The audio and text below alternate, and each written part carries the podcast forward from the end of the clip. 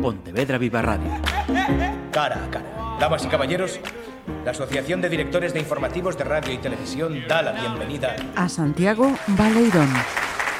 Nos vamos a detener en este cara a cara en unos establecimientos muy concretos, los estancos. Y para ello vamos a charlar un ratito con Santiago Baleirón, que es presidente de la Asociación de Expendedores de Tabacos y Timbres en la provincia de Pontevedra. ¿Qué tal, Santiago? Muchas gracias, lo primero, por acompañarnos. De nada, mujer. Mira, la mm, primera referencia del sector sobre la que quiero preguntarte es por qué la Administración General del Estado lleva 18 años sin conceder nuevas licencias de apertura de estancos. ¿Qué pasa? Bueno, es, mm, es muy fácil de entender. Vamos a ver.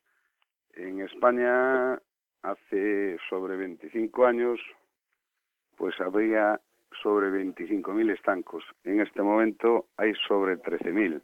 Quiere decirse eso, que había demasiada evolución de estancos. ¿no? ¿Qué sucede ahora? Pues que hay zonas, hay polígonos que han quedado, pues, que han crecido y entonces no hay estancos. Y la sencilla razón es que antes había demasiados estancos, mm, demasiados estancos en, en, lo que se dice en España. ¿no? y, si no eran rentables. Claro, y si llevamos esas cifras, eh, Santiago, aquí a la provincia, ¿nos podrías dar una, una cifra de cuántos hay en la provincia? Pues fíjate, en la provincia de Pontevedra hace cuestión de 20 años, sobre 20, 21 años, había 730 y en este momento hay 355. Caramba. ¿Eh? Porque tú, bien, como bien sabes, en cualquier punto de la geografía, principalmente en la gallega, que es muy muy dispersa, ¿eh? pues sucedía que en, cualquier rincón pues había un estanco, ¿no? Pero claro, eso no es rentable, y entonces la gente fue renunciando y fue cerrando fue cerrando estancos, ¿no? ¿Qué, sucede ahora? Pues que ahora como han crecido muchos polígonos y muchas zonas, lo que se hace, lo que, lo que el comisionado te permite es movértelos a 1.500, tienes un espacio en el mismo municipio de 1.500 metros y cambiarlos. Hay gente que lo, ha, que, lo, que lo ha hecho y otra gente que ha renunciado y ha cerrado los establecimientos. nos decías al comienzo, claro, había 25.000, ahora hay 13.000, no eran rentables. Una pregunta un poco frívola que te voy a hacer ahora. ¿Ahora sí son rentables o, no? Hombre, eh, para vivir una persona, sí. También es cierto que hay algunas zonas pues que, que posiblemente con el nuevo con el nuevo eh, concurso que posiblemente lo vaya a ver a finales de año, principio del año que venga, pues se vayan a hacer en donde realmente se necesite pues un, abrir un, concurso, ¿no? Ajá. O dar la opción, o dar la opción, que eso se está estudiando, lo está estudiando el, comisionado, pues mm, que se puedan mover los, los, los antiguos, vamos, los que están todavía funcionando, ¿no? Ajá. Para que haya, tenga rentabilidad, claro, ¿entiendes? Mira, hablando de, rentabilidad, eh, también me gustaría que se mm, quedase claro y nos explicaras, eh, Santiago, el porcentaje que se lleva el Estado, que se lleva Hacienda, por el tabaco, por los timbres, por el franqueo. Vamos, eso realmente, por desgracia, el franqueo ya no casi existe, no, no tiene venta, pero por el tabaco se lleva el 85% de impuestos. Eso, eso ya es al margen de ese canon anual de ventas que tenéis que pagar. No, el canon es mm, el, tú no tienes que pagar canon ninguno. Canon los tienen que pagar la gente que, por ejemplo, eh, eh, del último concurso o de las nuevas creaciones, quiere de las ventas, tienen un canon dependiendo de las ventas, ¿no? Es como la declaración de la renta. Sí. tiene que pagar. Pero no, eso, el impuesto es el tabaco, que mucha gente ignora, es el 85%, el 84 punto no sé qué, 85% son impuestos que se lo lleva el Estado. Y muchísimo. Corrígeme, sí, no, el porcentaje es elevadito. Si nos quejamos de qué caro los que seguimos fumando, qué caro es el tabaco, pero habría que ver efectivamente dónde se va cada. El tabaco es baratísimo, lo que es carísimo son los impuestos. Eh, ahí está, ahí está.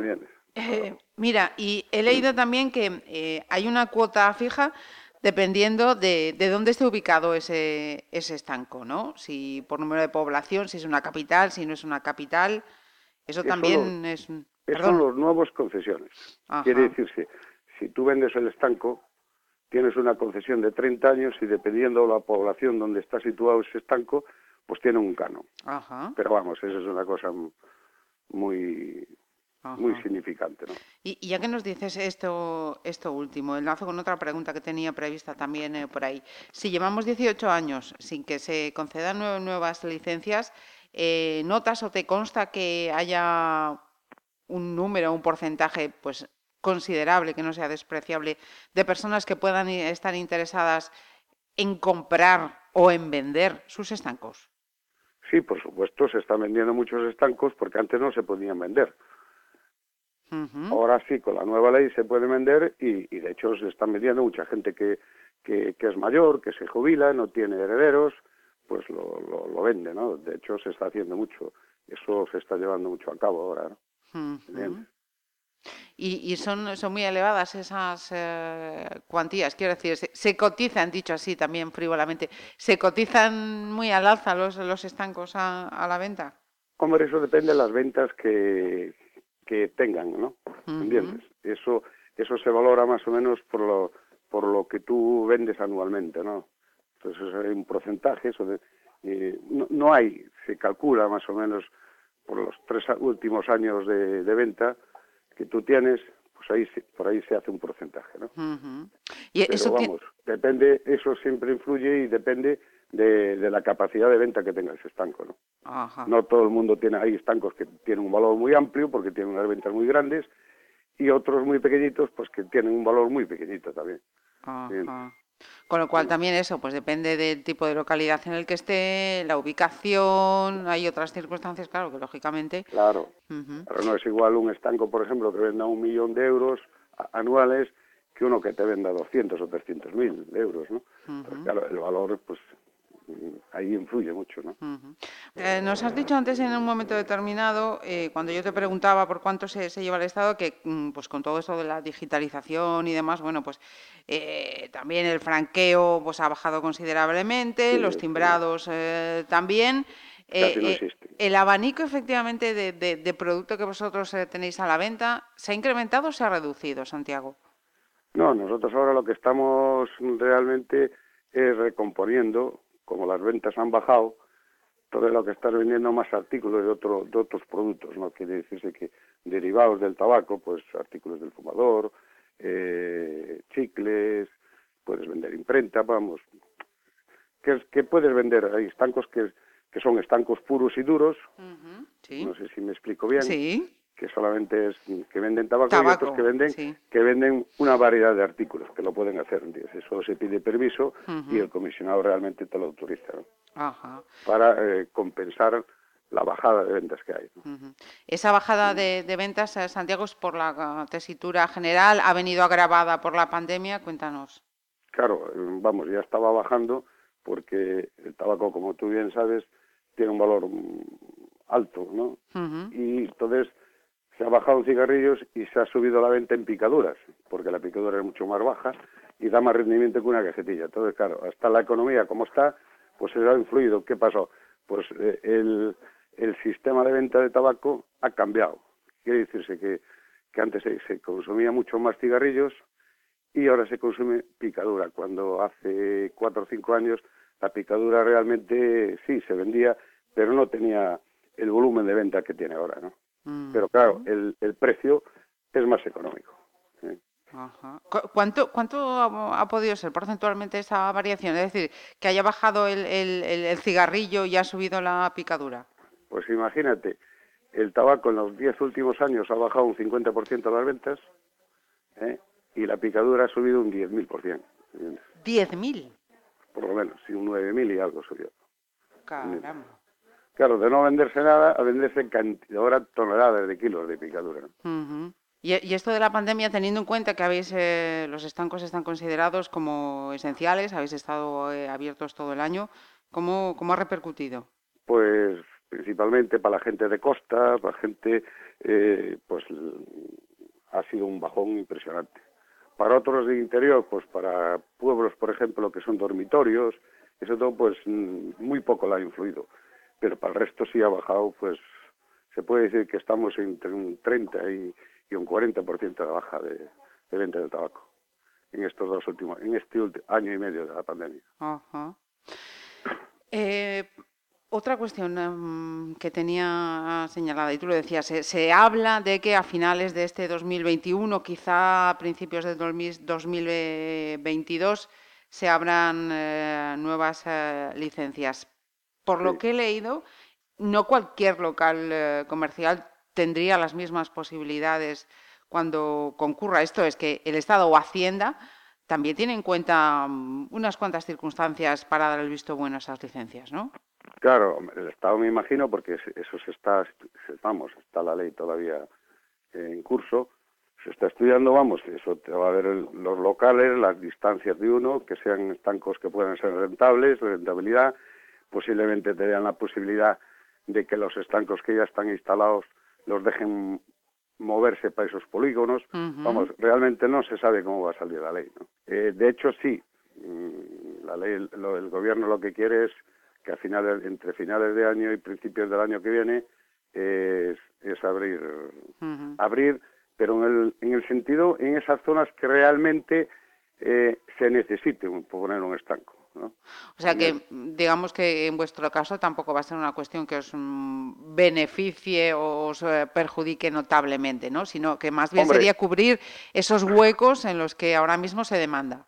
Efectivamente, y nosotros lo que pretendemos es que esos huecos que se necesiten se le dé facilidades a otros estancos que realmente las ventas son bajas de moverse de, ubicación, ¿no? Eso es lo que se pretende, lo que nosotros pretendemos, que si eso se haga. Ahora ya veremos lo que sucede, ¿no? Pero bueno, yo te puedo decir que en España realmente muy pocos estancos más se van a abrir porque las zonas están muy cubiertas, ¿no? Y, y no creo que sea muy rentable eh, hoy abrir un estanco. ¿no?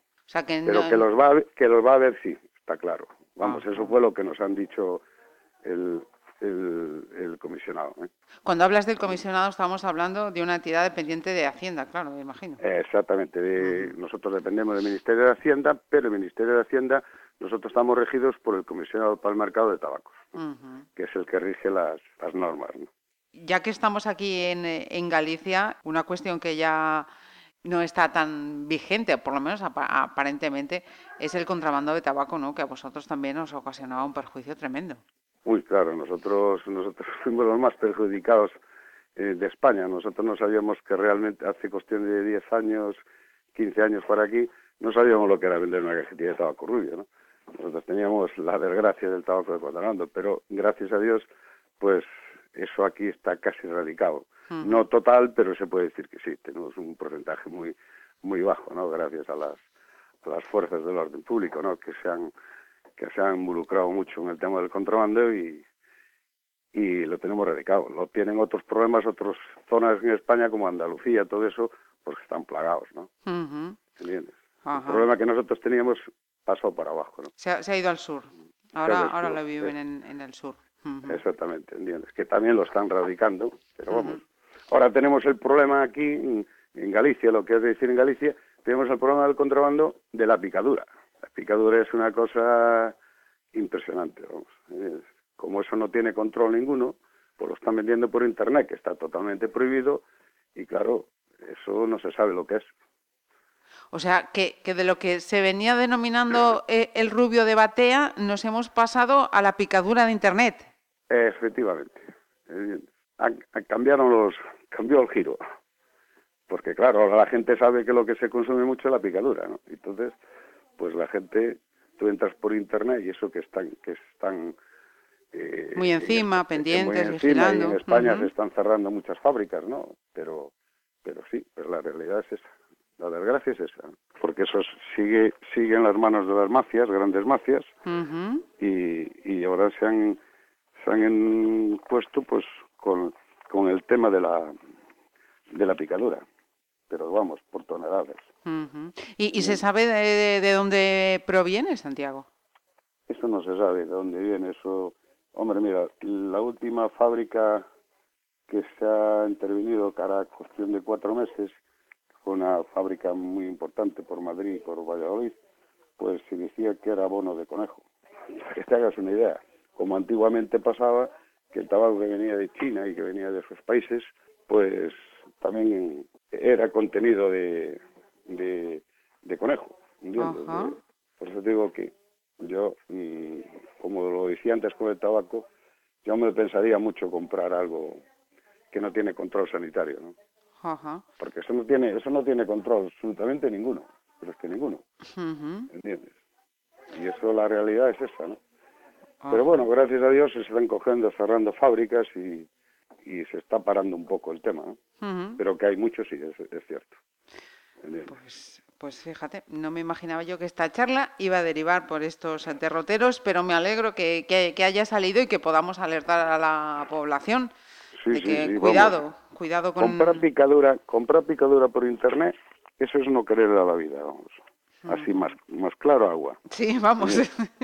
Eso es Así de clarito. Así de claro, ¿entiendes? eso es una barbaridad. Pues Santiago Baleirón, que te agradezco muchísimo que nos hayas acompañado este ratito, que nos hayas acercado estos datos y alertado de esta circunstancia. Muchísimas gracias, de verdad. Pues no, gracias a vosotros. Pontevedra Viva Radio. ¿Me permiten que les haga un comentario como espectadores del programa Cara a Cara? Según un reciente sondeo de mercado, Ustedes disponen de estudios e inteligencias superiores a la media. Sus intereses abarcan desde la actualidad mundial y la ciencia hasta el deporte y los espectáculos.